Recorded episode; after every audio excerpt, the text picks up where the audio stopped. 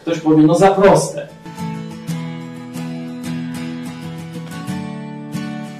Umysł człowieka jest skomplikowany i dlatego też Bóg nie dałby nam aż tak prostego rozwiązania.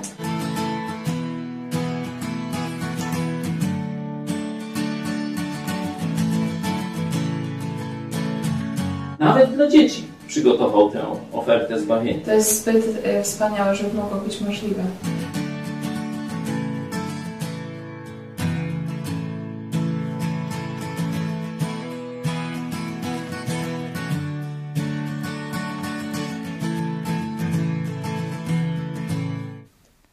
Kornelia Chojecka, witam Was serdecznie w telewizji Idź Pod Prąd. To jest program Którędy do Nieba, a ze mną jest były ksiądz Jerzy. Witam serdecznie.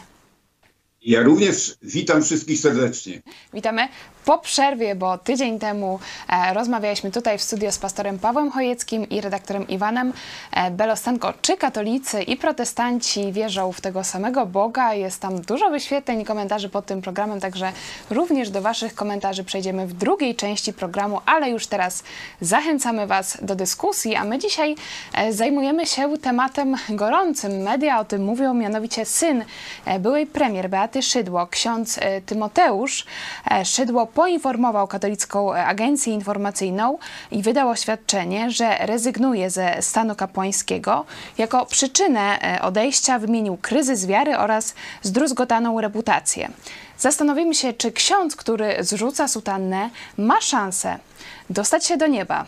Zapraszam na program Trendy do Nieba. I na początek e, pytanie, jak pan ocenia e, tą decyzję księdza Tymoteusza Szydło, jako były ksiądz? Jako były ksiądz i z punktu widzenia biblijnego oceniam tą decyzję bardzo dobrze i gratuluję Tymoteuszowi. E, To bardzo dobra męska decyzja. Tutaj na przykład e, słyszałam takie głosy ze środowiska Prawa i e, Sprawiedliwości, że no, współczują, że to jest raczej smutne e, dla nich wydarzenie, ale dlaczego według Pana dzisiaj Polacy powinni się w ogóle zajmować tym tematem? Może to jakieś jest takie nieznaczne wydarzenie w Polsce? Jak Pan to ocenia?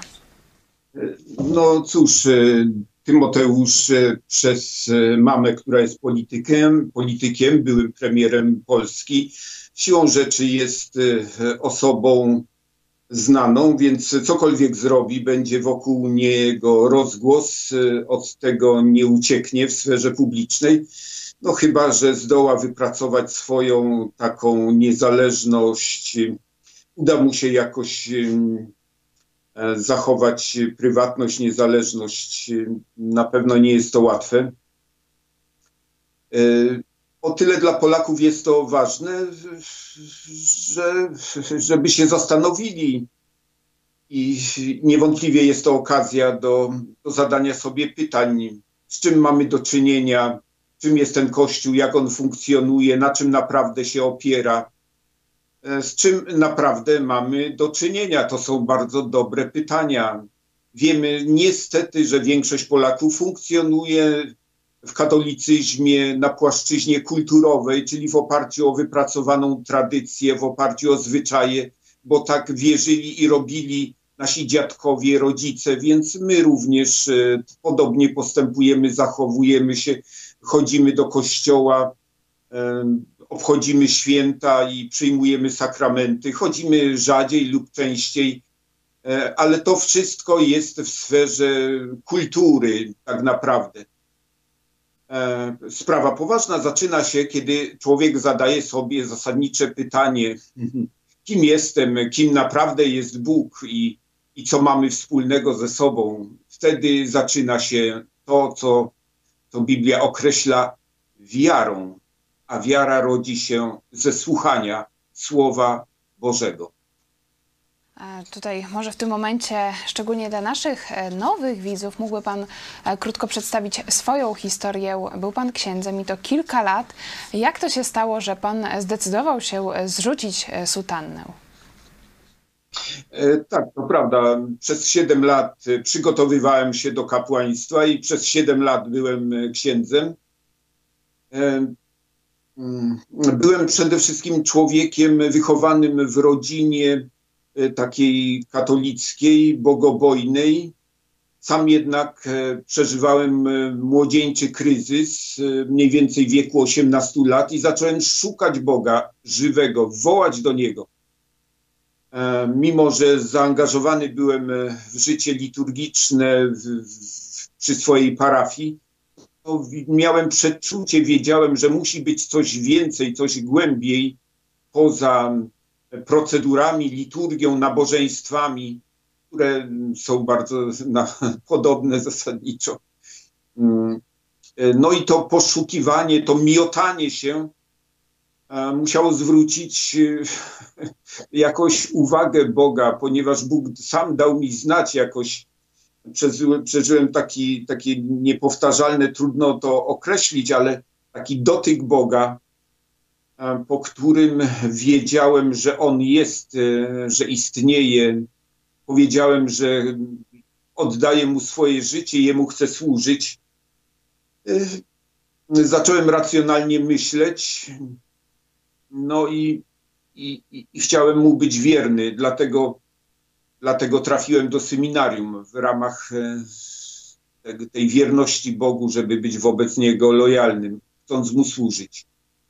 No a, a, w seminarium spotkałem się z ruchem Światło Życie, ruchem odnowy Kościoła założonym przez księdza Franciszka Blachnickiego, tak zwany, e, czyli tak zwane oazy. I tam poznałem, e, zacząłem poznawać, czym jest Kościół w Biblii, jak Biblia przedstawia Kościół, czym jest wiara, czym jest, e, jaką rolę odgrywa Biblia jako Słowo Boże no i zacząłem odkrywać zanieczyszczenia, które są w kościele katolickim. Niewłaściwy kult, kult maryjny, przede wszystkim kult świętych, e, czyściec. E, to bardzo szybko i zawsze starałem się od tego trzymać z daleka.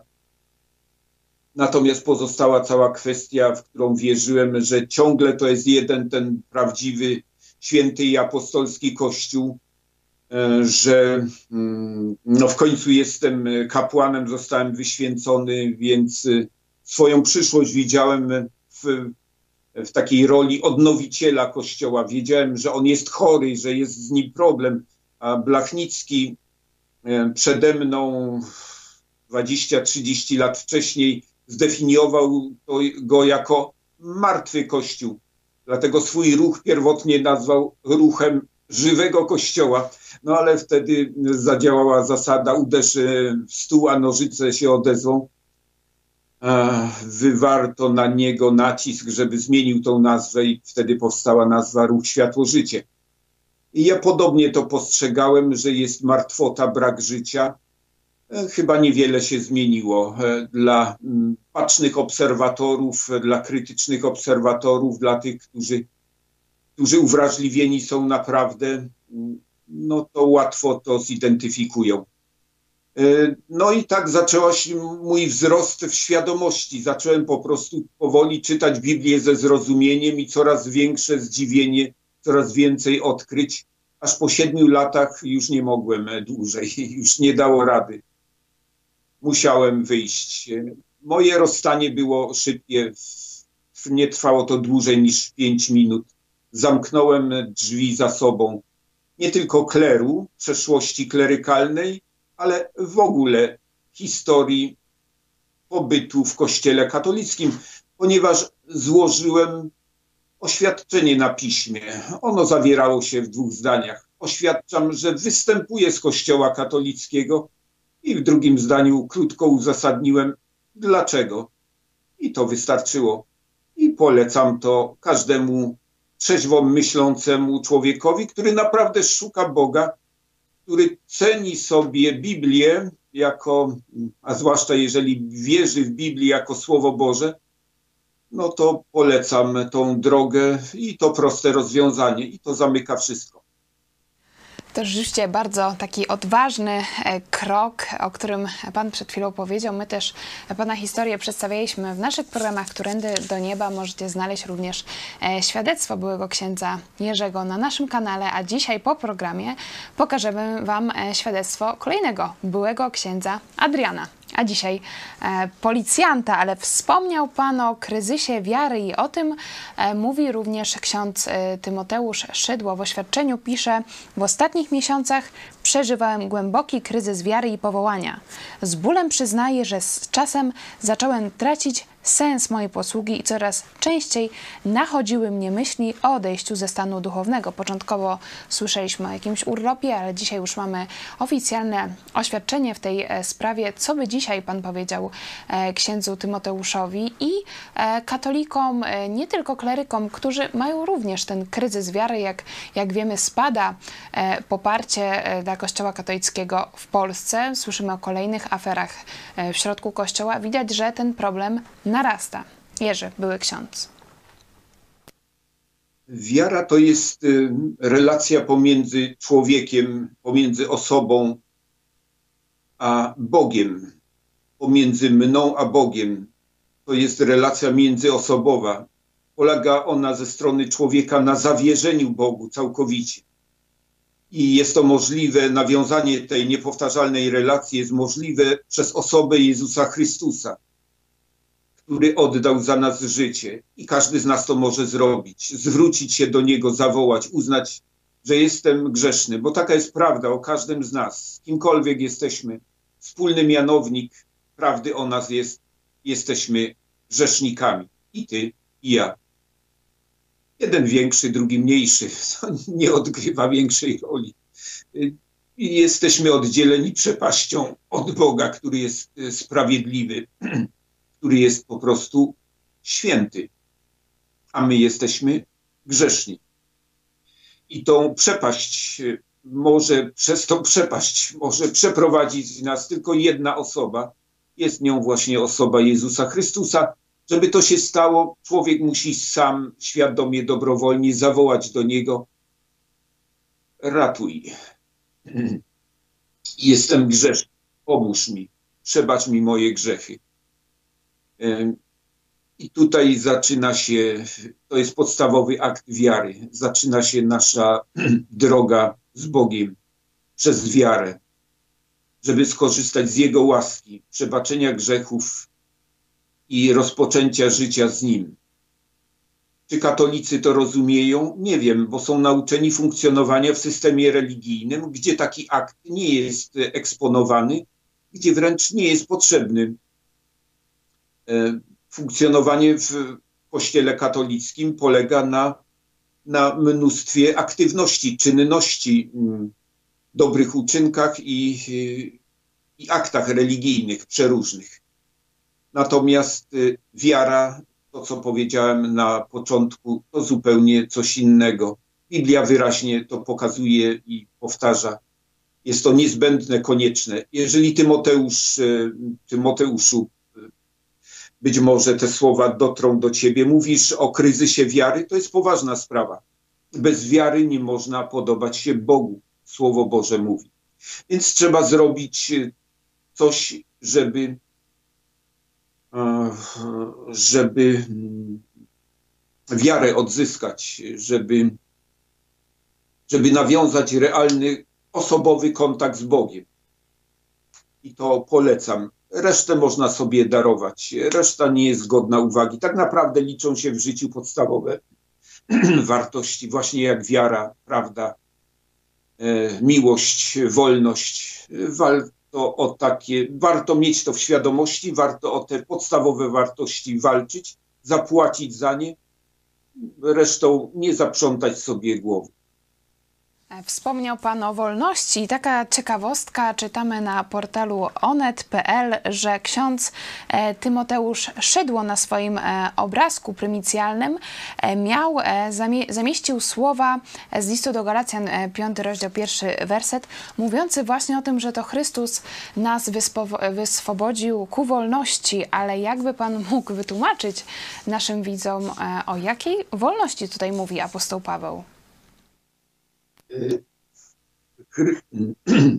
Paweł mówi o wolności e, osobowej, którą, wolności, którą dał nam Bóg. Bóg sam jest wolny. Na początku czytamy, że stworzył nas podobnymi do siebie, na swój obraz i podobieństwo. abyśmy w tej wolności żyli, właśnie tą, którą dał nam Bóg, żebyśmy nie byli niewolnikami przede wszystkim grzechu, czyli czynności, które oddalają, oddzielają nas od Boga. To największa wolność. Można uciec, można być niewolnikiem ludzi, można być zamkniętym w więzieniu, w miejscu od osobnienia. Można mm, uwolnić się z tego miejsca i pozostawać dalej niewolnikiem, ponieważ podstawowa niewola, którą człowiek na siebie sprowadza, to jest y, ta niewola, której sam jest przyczyną E, niewola grzechu, niekonsekwencji, uzależnień. No i, i tego wszystkiego, co się w tym zwiąże i, i co pociąga za sobą. E, bardzo często jest to połączone z krzywdą dla innych e, ludzi. E, no. My dzisiaj. Nie wiem, czy mhm. wystarczająco mhm. My dzisiaj e, pytamy się, czy ksiądz, e, który zrzucił sutannę, ma szansę e, na niebo. Co by Pan dzisiaj odpowiedział na to pytanie? Też jeszcze nawiązując do Pana historii, w którym momencie Pan właśnie zyskał tą pewność nieba? W którym momencie Pan stał się chrześcijaninem? Y, tą pewność y, zyskałem Myślę, że były takie etapy, gdzie dochodziłem do tego, ale pewność zyskałem, kiedy znalazłem się na rekolekcjach oazowych i tam przerabialiśmy w sposób podręcznikowy cztery prawa życia duchowego. I w czwartym dniu, najważniejszym dniu tych rekolekcji oazowych było oddanie swojego życia Jezusowi właśnie te, o te cztery prawa życia duchowego które mm, otrzymaliśmy w spadku od tak naprawdę ksiądz Franciszek Blachnicki w Polsce, to o właśnie jego zdjęcie e, roz, e, od Amerykanów e, ewangelicznych, którzy nam to przekazali w testamencie. To jest wielkie błogosławieństwo i jesteśmy im wdzięczni. To są biblijne, podstawowe prawdy wiary dotyczące naszego życia e, z Bogiem, właśnie życia wolności. Wtedy w czwartym dniu rekolekcji oazowych zawołałem do Jezusa, powierzyłem Mu swoje życie, uznałem swoją grzeszność. A kiedy wyszedłem e, z kościoła katolickiego, mm, wtedy poprosiłem o chrzest. Więc e, odpowiadając na to pytanie a propos księdza. Oczywiście każdy człowiek ma szansę na niebo i ksiądz również ma szansę na niebo. Najgorszy, nie wiadomo kim by był, najgorszy przestępca ma szansę na niebo, jeżeli tylko pod jednym warunkiem sam dobrowolnie zawoła do Jezusa, ratuj. Po prostu sam nie jestem w stanie się uratować, sam nie jestem w stanie się zmienić, sam nie jestem w stanie osiągnąć nieba. Jezus może to zrobić i niewątpliwie to zrobi w każdym przypadku, kiedy człowiek tylko szczerze do Niego się zwróci, kiedy szczerze do Niego zawoła. E, dziękuję pięknie za to proste wyjaśnienie, którędy e, do nieba, taki jest tytuł e, naszego programu. Jeszcze wracając do księdza Tymoteusza Szydło, on w oświadczeniu mówi, że zwraca się z prośbą do Ojca Świętego, do papieża, żeby przenieść go do stanu świeckiego. I myślę, że dla, dla wielu katolików no, ksiądz jest taką osobą właśnie, która jest pośrednikiem między mm, Bogiem a człowiekiem. No i tutaj powstaje pytanie, czy czy w ogóle można przestać być księdzem, czy księdzem nie jest się wyświęconym e, na zawsze. No i kto e, właściwie decyduje o tym, czy ktoś przestaje być księdzem, czy nadal nim jest, bo tutaj też mamy odpowiedź od razu kurii e, i informację, że taka procedura może nawet zająć kilkanaście lat. Jak to jest z tym byciem księdzem? Tak, to prawda. Ta procedura zwykle jest długotrwała, może zająć dużo czasu. E, można dużo na ten temat mówić, ale nie warto o tym mówić. Radzę księdzu Tymoteuszowi, radzę Tymoteuszu, e, ty, tobie i każdemu innemu księdzu krok prosty, o wiele prostszy, o którym powiedziałem na początku e, i radykalny. Trzeba zamknąć drzwi mm, nieprawdziwego kościoła, bo to nie jest kwestia tylko stanu duchownego, czyli kleru, który również jest bez uzasadnienia, który właściwie funkcjonuje bezprawnie. Może dla niektórych to jest szokujące, ale nie ma żadnych aktów prawnych biblijnych w sensie z Bożego nadania, które uzasadniałyby funkcjonowanie sakramentu, tak zwanego sakramentu kapłaństwa. Jezus nigdzie nie ustanowił sakramentu kapłaństwa, nie ustanowił również Eucharystii. Owszem, ustanowił wieczerzę pańską albo łamanie chleba, co od samego początku praktykowali pierwsi uczniowie Jezusa. I my dokładnie to samo robimy dzisiaj jako współcześni uczniowie Jezusa. Nie potrzeba do tego żadnego kapłaństwa, a wręcz jest ono przeszkodą, jest ono zamieszaniem, jest to pomieszanie z poplątanym, bo jest to część wzięta ze Starego Przymierza kapłaństwa starozakonnego, e, pomieszana z, z pogaństwem, z pogańskimi e, wpływami z innych religii. I tak powstał ta hybryda i ten urząd E, jest to wielkie nieporozumienie. Trzeba od tego się uwolnić, bo to sprowadza przekleństwo. Każdy fałszywy kult sprawowany, czyli taki, który Bóg, którego Bóg sobie nie życzy. Jeżeli, teraz proszę posłuchać uważnie, jeżeli chcesz zbliżyć się do Boga, naprawdę, jeżeli Boga traktujesz na serio, to musisz przyjść do Niego nie na swoich warunkach, tylko na Jego warunkach. Na Bożych warunkach. A one są określone w Biblii, które jest Jego słowem. I tylko w ten sposób. Jezus określił to. Samarytanka w czwartym rozdziale Ewangelii Jana zadała mu to pytanie. Ale gdzie, jak, w jaki sposób wy tam w Jerozolimie, nasi tutaj w Samarii na górach oddają cześć Bogu. Jak właściwie powinno być? Jezus odpowiedział: Nadchodzi czas, że prawdziwi czciciele oddawać mu będą cześć Ojcu w duchu i w prawdzie. I takich czcicieli chce mieć Ojciec, i takich szuka. I o to chodzi również dzisiaj. Chodzi o dwie rzeczy. Abyś tak naprawdę stał się uczniem Jezusa Chrystusa i to może zrobić przez akt swojej woli. I drugie, oddawać Mu cześć w duchu i prawdzie, bez zanieczyszczenia religijnego, bez fałszywego kultu, bez fałszywych nauk, które, powtarzam, to jest poważna sprawa do wszystkich księży, sprowadzają poprzez fałszywy kult, poprzez na przykład odprawianie mszy, poprzez kult maryjny, poprzez kult świętych, poprzez modlitwy za zmarłych, sprowadzają na siebie i na innych ludzi przekleństwo. Dlatego od prawie 400 lat życie w tym kraju wygląda tak, jak wygląda. Dlatego tak tragiczna jest nasza historia. Nic nie dzieje się przypadkowo to ma swoje uzasadnienie. Byliśmy na dobrej drodze, szukaliśmy Boga, mieliśmy największe państwo w Europie, sprawowaliśmy kontrolę, pilnowaliśmy pokoju, nie było żadnej wojny światowej. Kiedy zdradziliśmy Jezusa, zdradziliśmy Jego słowo, zaczęła się hekatomba. Zaczęło się od ślubów Kazimierza, fałszywych ślubów, oddania Polaków nie Jezusowi, tylko tak zwanej Maryi. E, no i zaczęło się później potop szwedzki. 40% społeczeństwa zginęło, ruina kraju.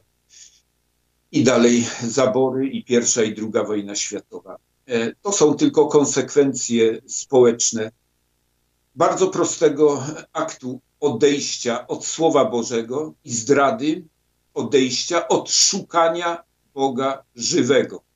I o to chodzi. Szukanie Boga żywego.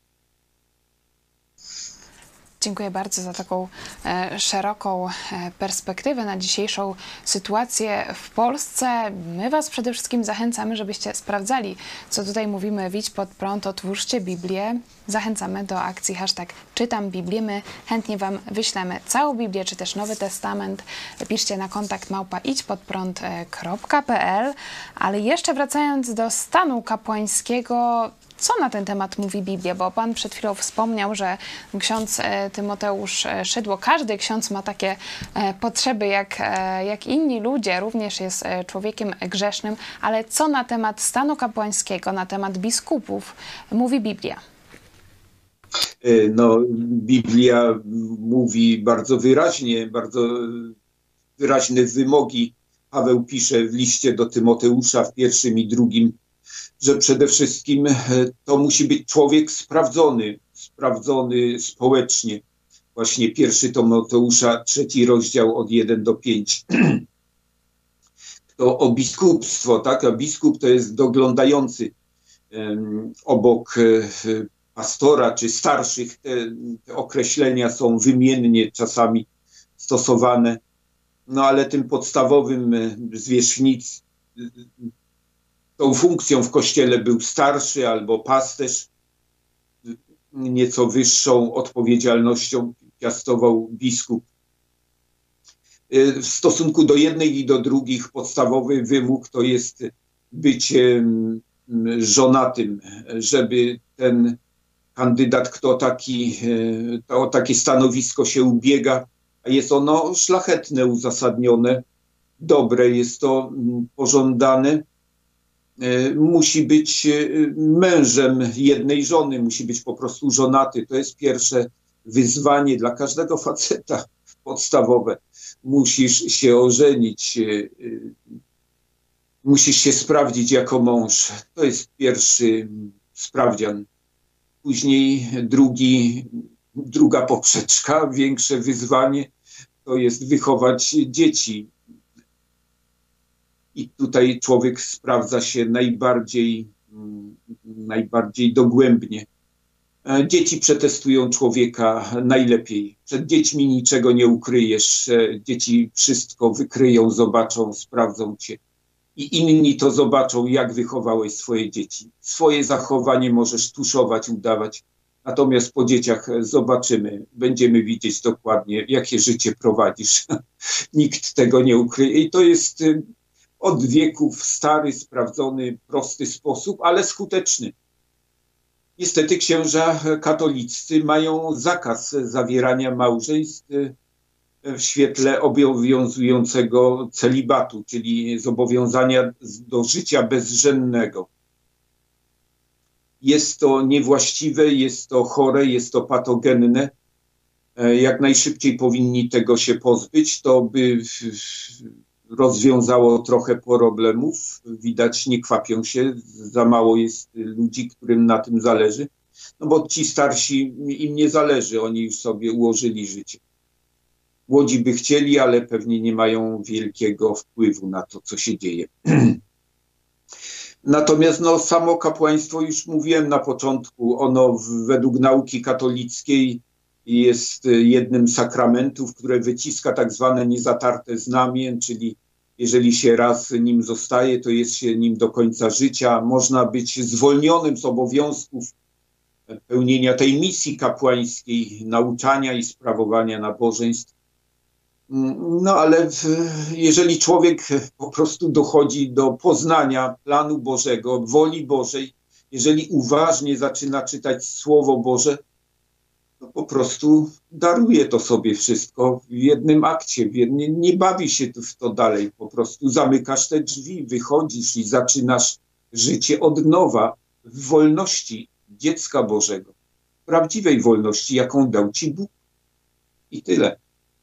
Miejmy nadzieję, że to przesłanie byłego księdza Jerzego trafi do księdza e, Tymoteusza Szydła, o którym dzisiaj e, mówi cała Polska, jak, jak szybko można znaleźć tą e, wolność, o której widać, na której zależało księdzu Tymoteuszowi Szydło, o czym mówiliśmy na obrazku prymicyjnym.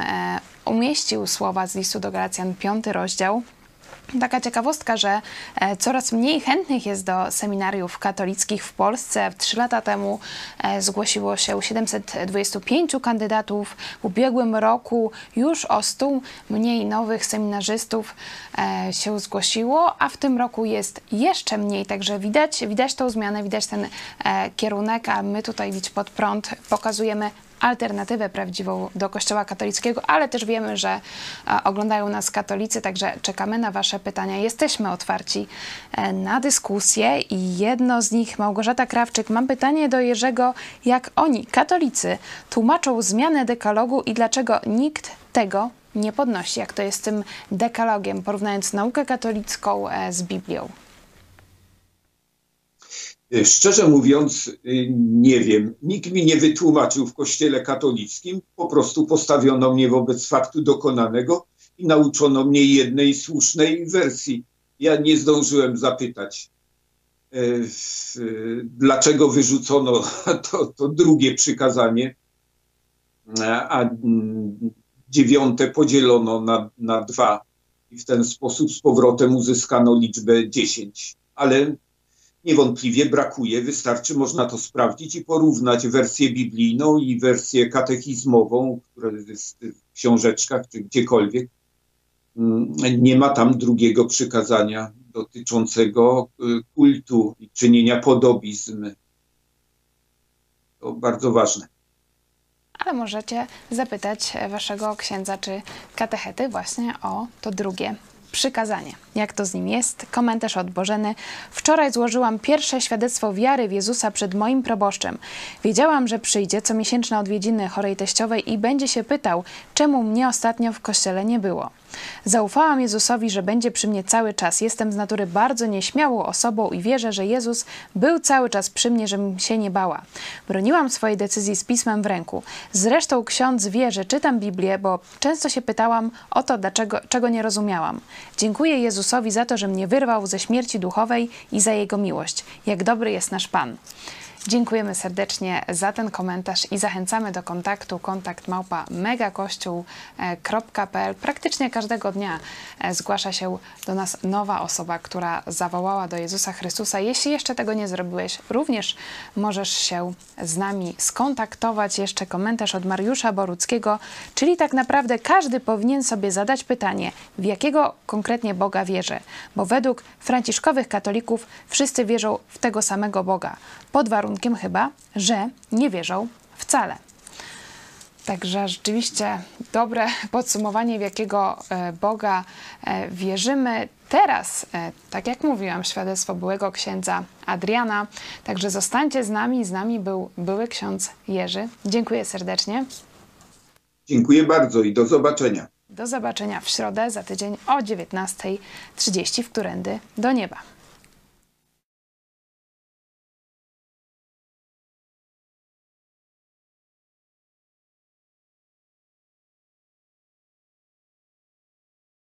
Nazywam się Adrian. Moje dzieciństwo rozpoczęło się i wychowałem się w rodzinie katolickiej, w tradycji katolickiej.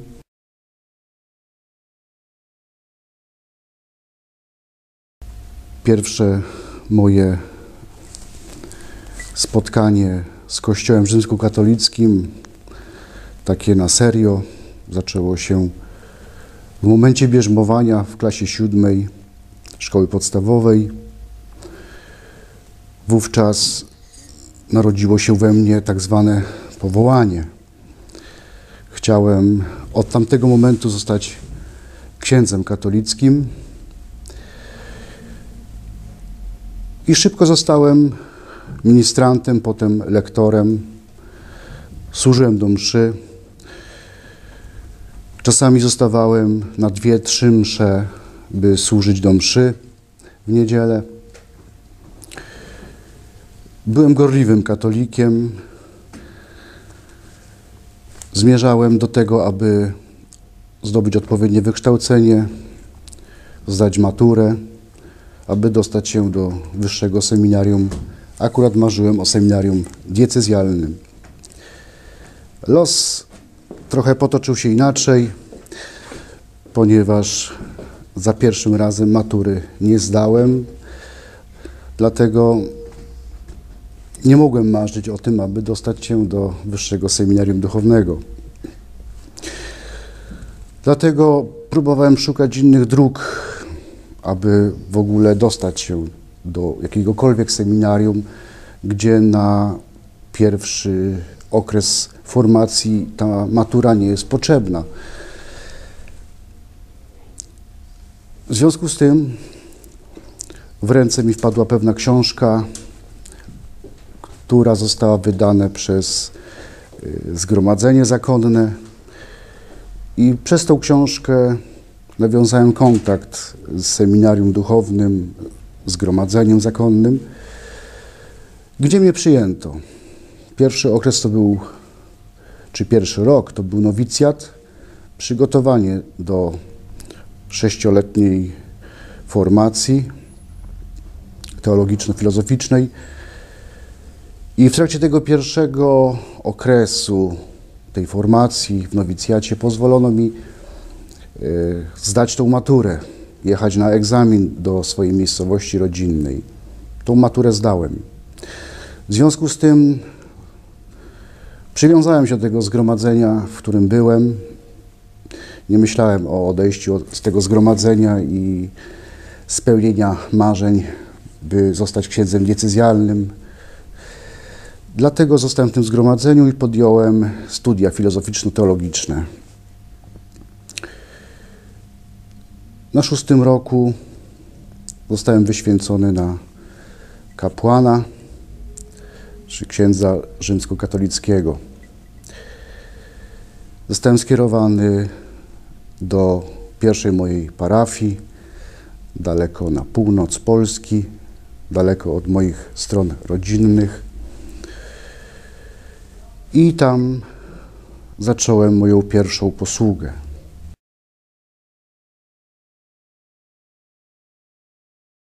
Cofając się jeszcze do tego okresu siódmej klasy szkoły podstawowej, moich marzeniach, ideałach, jakim powinien być ksiądz, jakim powinien być ja jako ksiądz.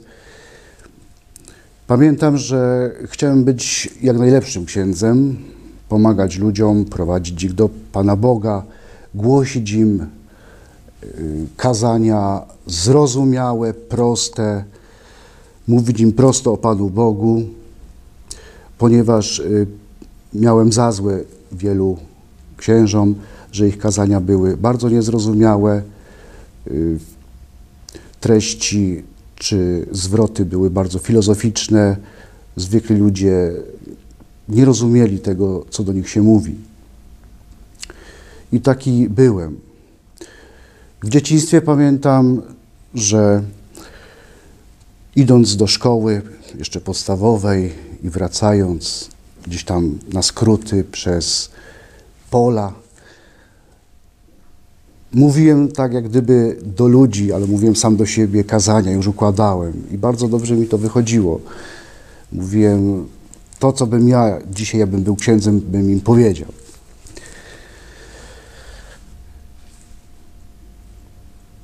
Gdy doszedłem do seminarium, do tego etapu formacji, nauki, studiów, ideały gdzieś tam jeszcze w głowie pozostały, żeby być dobrym księdzem, mówić zrozumiale, jasno, żeby przekazywać ludziom y, Boże Słowo, a właściwie to doktryny katolickie, niestety, patrząc z dzisiejszej perspektywy czasu. I gdzieś się w tym wszystkim zagubiłem. Ale Pan Bóg mnie prowadził dalej, mimo wszystko.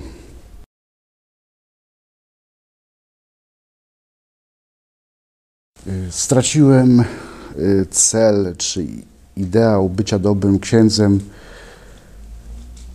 ponieważ y, zauważyłem, że wszystko to, co dzieje się w życiu normalnym, poza murami y, klasztoru, seminarium, jest zupełnie inne.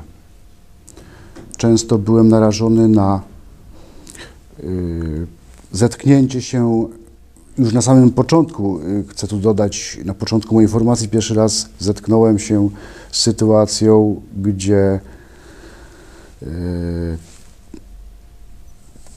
jeden ksiądz, dokładnie ksiądz proboszcz, oficjalnie miał na parafii y, gosposię, która była jego, powiedzmy to, konkubiną i miał dorosłego syna. O tym nam wszystkim mówił jego ksiądz wikary. Żalił się, pisał do biskupa, bo chciał się przenieść po prostu z tej parafii, bo nie wytrzymywał, bo tam niestety na parafii nie, nie rządził proboszcz, lecz jego gosposia. E, ta sytuacja już na, na starcie mnie już podłamała, już zachwiała we mnie pewne y, idee bycia dobre, dobrym księdzem. Mimo wszystko byłem dalej wiernym katolikiem, y, ale czułem, będąc w seminarium duchownym, że ja już nie jestem tym samym człowiekiem, takim samym człowiekiem, jak byłem przed seminarium. Wydawało mi się, że przed y, etapem formacji seminaryjnej byłem y, bardziej bliżej może tego Pana Boga niż w czasie tej formacji. Bo jak to u nas się mawiało w seminarium, że po dwóch latach filozofii traci się rozum, a po czterech latach teologii wiarę. I może coś w tym jest. Chociaż ja nie straciłem wiary.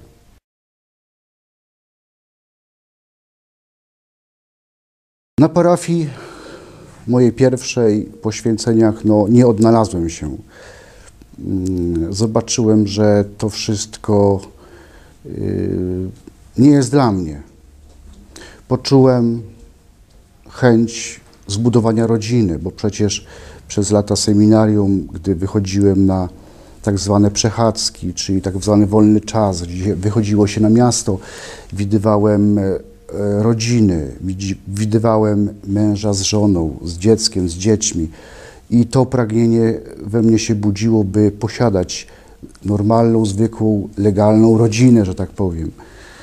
To zawsze gdzieś tam we mnie tkwiło, by stworzyć rodzinę. Ale oszukiwałem siebie, można powiedzieć, że mówiłem sobie, jakoś to będzie, święcenia przyjdą, wszystko zmienią, będę uświęconym człowiekiem, przecież to jest sakrament kapłaństwa. Ale okazało się, że tak nie było, nic się nie zmieniło. Było jeszcze gorzej. Jeszcze bardziej pragnąłem posiadać rodzinę. Ponieważ w zgromadzeniu moje życie opierało się na wspólnotowym życiu, czyli y, gdy wszystkie zajęcia y, się odbyły, całe wykłady, wszystkie obowiązki zostały, y, wykonaliśmy, bo każdy odpowiedzialny był tam za jakiś rejon, sprzątanie, czy usługiwanie do stołu w refektarzu, tak zwanym jadalni.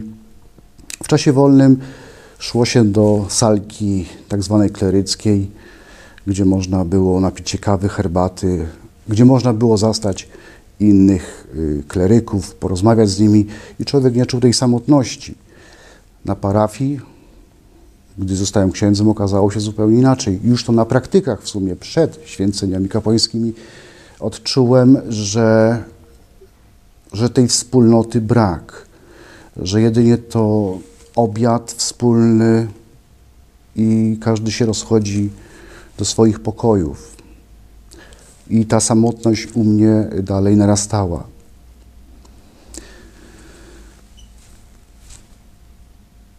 Wiedząc, że nie, to nie jest moja droga, że dalej nie będę oszukiwał sam siebie, nie chcę oszukiwać y, parafian, sumienie mi nie pozwoliło na to, aby dalej brnąć. A mo, mo, mogłem sobie ustawić życie i mógłbym żyć dwulicowo, że mógłbym być księdzem, mógłbym gdzieś na boku coś innego robić, coś niemoralnego, ale sumienie mi na to nie pozwalało. Z perspektywy czasu wiem, że Pan Bóg cały czas mnie prowadził, mimo że przez takie, nazwijmy to, sytuacje dosyć przykre.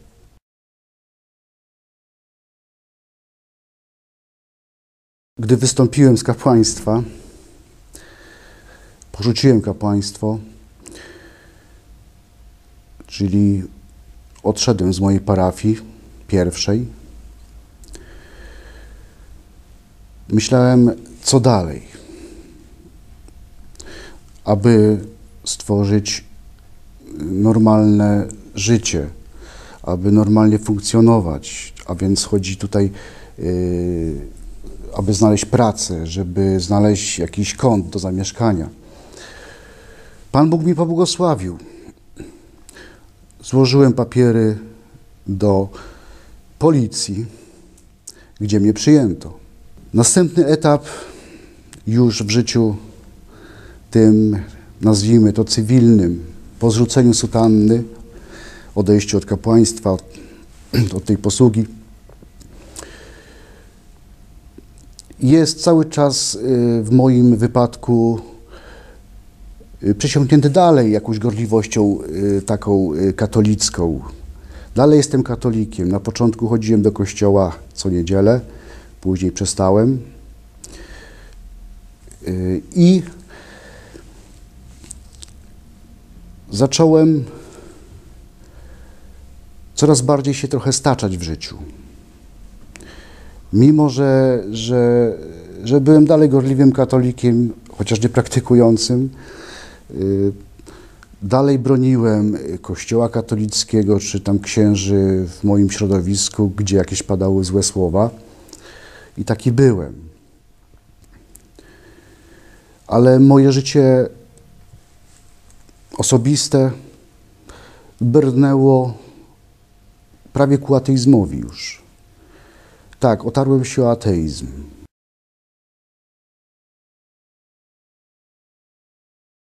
W 2017 roku, to był czerwiec,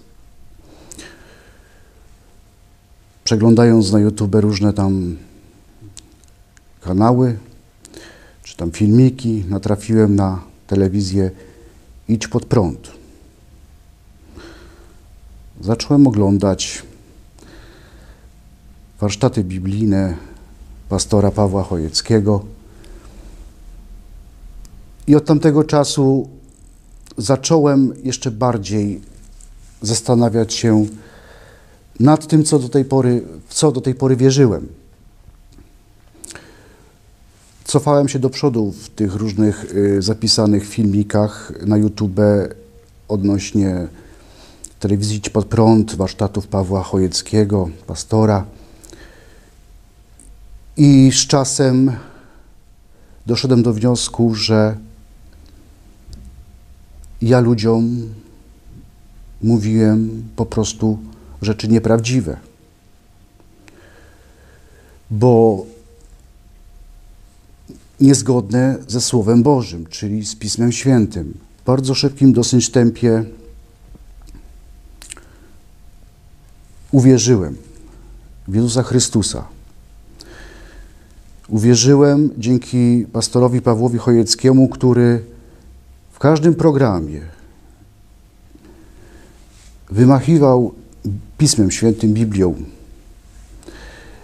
i wypowiadał te słowa ewangelizacyjne, że Jezus umarł za ciebie, że On stoi u drzwi Twojego serca i czeka, kiedy Go zaprosisz, że On umarł za ciebie za, i wszystkie Twoje grzechy przybił na krzyżu. I to, co mnie poruszyło, to to, że jeśli Go przyjmę, że jeśli przyjmę Jezusa Chrystusa jako mojego osobistego Pana i Zbawiciela, to jestem zbawiony i wszystkie moje grzechy, jakie popełniłem w życiu, te przeszłe, te teraźniejsze i które popełnię, które będą się zdarzać, że Jezus Chrystus swoją krwią obmył raz na zawsze. I to jest ta najlepsza Ewangelia, jaką usłyszałem w życiu. I ją głoszę dalej i przekazuję innym osobom Dlaczego uwierzyłem w Jezusa Chrystusa, gdy się nawróciłem, ale w tego prawdziwego, żywego? No bo w katolicyzmie jest jakiś Jezus eucharystyczny. Jest jakiś, który jest yy, ustanawiany poprzez jakiegoś tam księdza, na którego głos ma się przemienić kawałek opłatka, wafelka w ciało Jezusa Chrystusa, co jest dla mnie, stało się dla mnie yy, czymś dziwnym, dlatego że Jezus Chrystus zasiada po prawicy Boga Ojca i On jest przecież tam w niebie z Ojcem. Jak może się ograniczyć do jakiegoś opłatka? Dlaczego ma być zamknięty w jakimś tam, w jakiejś materii, a później jeszcze chowany gdzieś tam do tabernakulum? Modląc się do Jezusa tego eucharystycznego w tabernakulum, adorując tak zwany Najświętszy Sakrament, do niczego mnie to nie, nie, nie prowadziło. Te same grzechy non-stop się powtarzały. Nic, żadnej zmiany się we mnie, żadne zmiany się we mnie nie dokonywały. A spotkanie z Jezusem, tym żywym, powodują ogromną różnicę. Tym bardziej, że w katolicyzmie jeszcze w grę wchodziła Maryja, gdzie też oddawało się kult. Jezus jako Syn Boży i Bóg Ojciec, to byli kimś, kimś, którzy są nieuchwytni, którzy są srodzy, a ta Maryja zawsze jak zgrzeszę, to mnie jak matka yy, przytuli, spojrzy łaskawym okiem. No takie, taka doktryna powstała w Kościele rzymskokatolickim i, i, i tak odbierałem yy, Jezusa, tak odbierałem Pana Boga, że Jezus i Pan Bóg to byli tacy jak gdyby odlegli od człowieka, zupełnie obcy człowiekowi. A ta Maryja, to ona jest rzeczywiście taką matką, która wyprosi nam wszystko i załagodzi sprawę, uśmierzy gniew Jezusa i Boga Ojca. Takie, tak, takie myślenie miałem, tak jak większość katolików, czy wszyscy prawie katolicy.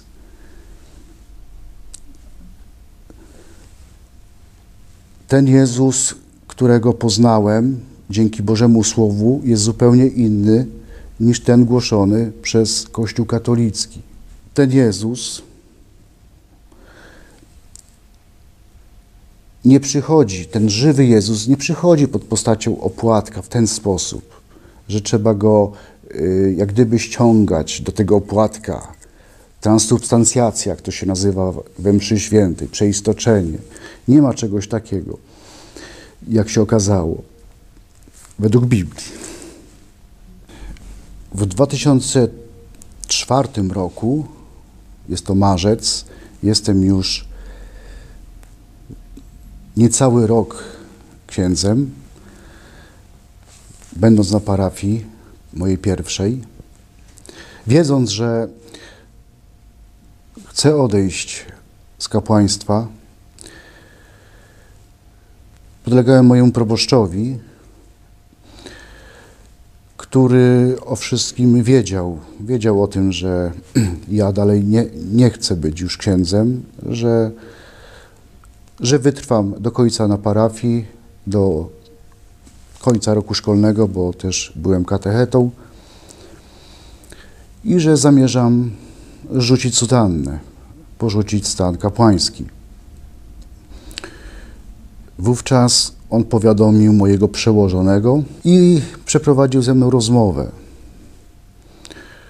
tłumacząc mi, że moje odejście spowoduje zada wielką ranę całemu Kościołowi, szczególnie parafii, gdy się dowiedzą, że opuszczam stan kapłański, bo jest to zgorszenie. Powoływał się na argumenty y, właśnie takie doktrynalne. Powoływał się też na rodziców. A jak się rodzice, moje rodzeństwo będą czuli w związku z tym, że zrzuciłem sutannę, bo jest to też zgorszenie, że będą wtedy źle odbierani. I oczywiście wiem o tym, że jak zrzuciłem y, sutannę, wystąpiłem z kapłaństwa, porzuciłem je. Y, Wiem o tym, że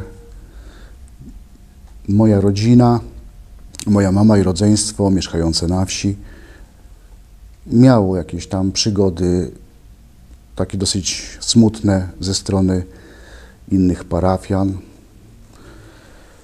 Był czas, że nie odzywaliśmy się do siebie, nie odzywałem się do, i mama się do mnie nie odzywała, i ja do niej. Był taki czas, ale bardzo szybko też minął. Minął dopiero po około trzech latach. I nawiązaliśmy od nowa normalne tutaj więzi rodzinne. Ale cały czas moja mama i rodzeństwo namawiali mnie, abym jednak wrócił do kapłaństwa. Ja powiedziałem, że jest to niemożliwe, dlatego że siebie tam nie widzę. Mimo, że na tym etapie byłem jeszcze katolikiem, niepraktykującym.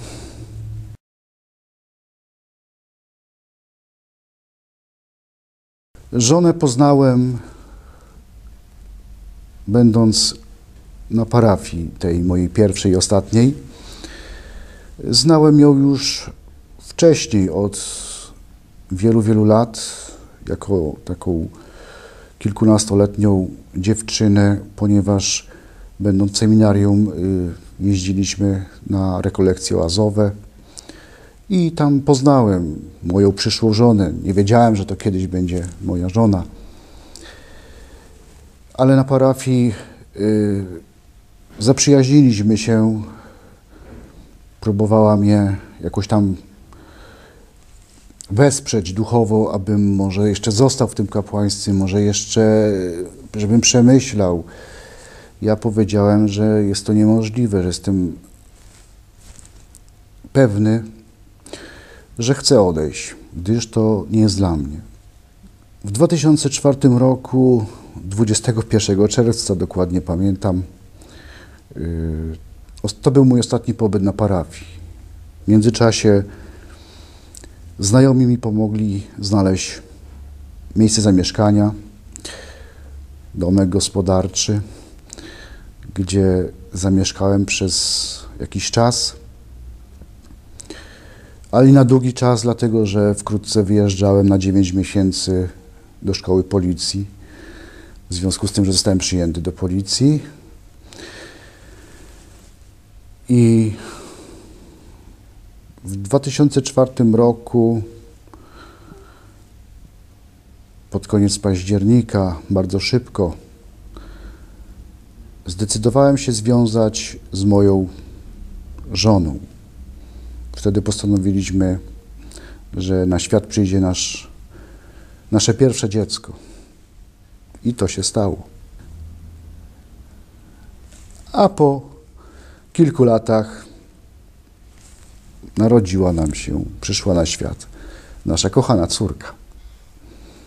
Gdy porzuciłem kapłaństwo, rzuciłem sutannę, opuściłem parafię, założyłem rodzinę wręcz,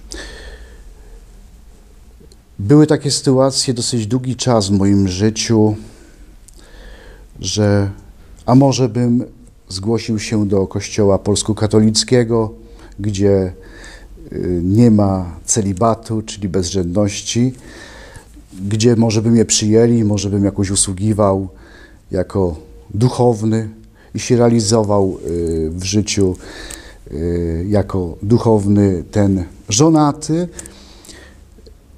a jednocześnie będący, posiadający rodzinę. Nawet pisałem do biskupa Kościoła Polsko-Katolickiego w tej sprawie, ale uzyskałem no, odpowiedź negatywną, ponieważ miałem wtedy nieuregulowany, y, nieuregulowaną sytuację y, w związku z stanem kapłańskim, czyli najpierw musiałby mnie papież zwolnić z tych wszystkich e, ślubów e, i przenieść do stanu e, świeckiego. I taki był warunek w związku z wcześniejszymi umowami między Kościołem, między innymi między Kościołem właśnie polsko-katolickim a Kościołem rzymskokatolickim. Większość osób, czy wszyscy, os, wszystkie osoby wiedzą o tym, że jestem byłym księdzem. Plotki się szybko roznoszą. No to czasami mówią na mnie księże albo pastorze, a ci Yy, a niektórzy mówią wielebny, co mi się bardziej podoba. Nie czuję, żeby mnie przez to te osoby jakoś na mnie dziwnie patrzyły, bo wiem, że same są w życiu czasami e, gdzieś tam zagubione, mimo że nawet niektórzy są gorliwi, wiernymi katolikami, ale jakoś mnie nie wytykają palcami nie robią mi tutaj wyrzutów, bo staram się być dobrym człowiekiem dla nich. Oni też są no, dobrymi ludźmi dla mnie. Jako nawrócony człowiek, jako chrześcijanin biblijny, na chwilę obecną widzę, że Pan Bóg mnie powołuje do mówienia o Nim, ogłoszeniu Jego Ewangelii w ten sposób taki zrozumiały, wyraźny do osób, które spotykam, czy w swoim życiu prywatnym, czy nawet służbowym. Czyli wydaje mi się, że widzimy Pan Bóg na chwilę obecną jako ewangelizatora, aby z takimi ludźmi rozmawiać y, o Jezusie, o Ewangelii, o Biblii, o Bożym Słowie, o to, że to Boże Słowo jest najważniejsze, że tam jest wszystko napisane, aby ludzie zrozumieli, że wszelkie ludzkie wymysły, wszelkie doktryny, dziwne tradycje, no nie mają zastosowania i oparcia w Bożym Słowie. Chcę ludziom głosić Ewangelię taką, jaką ja poznałem. Dzięki pastorowi Pawłowi Chojeckiemu z telewizji Idź Pod Prąd, który w sposób wyraźny pokazuje, że w Biblii odnajdziemy wszystko, co człowiekowi jest potrzebne, że tam jest Boże Słowo kierowane do każdego z nas, że w tym Bożym Słowie nikt nas nie zwiedzie, że nikt nas nie poprowadzi e, błędnymi drogami,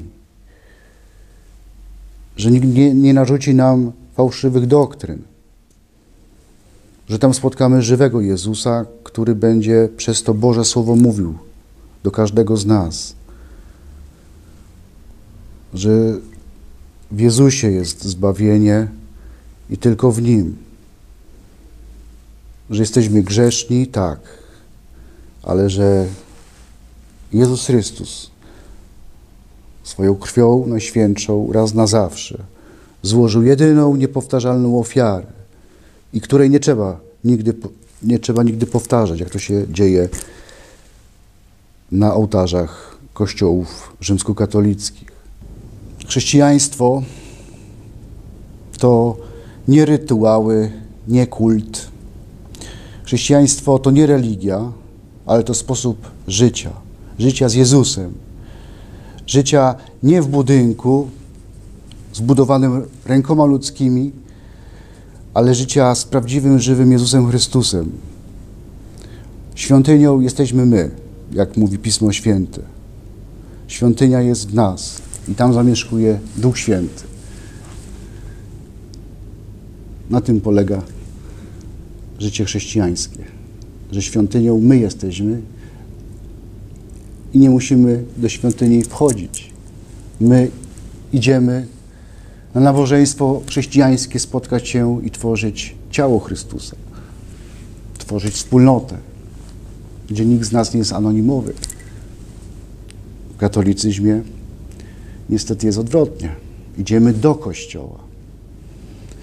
Ale każdy jest anonimowy przeważnie. Przychodzimy na rewie mody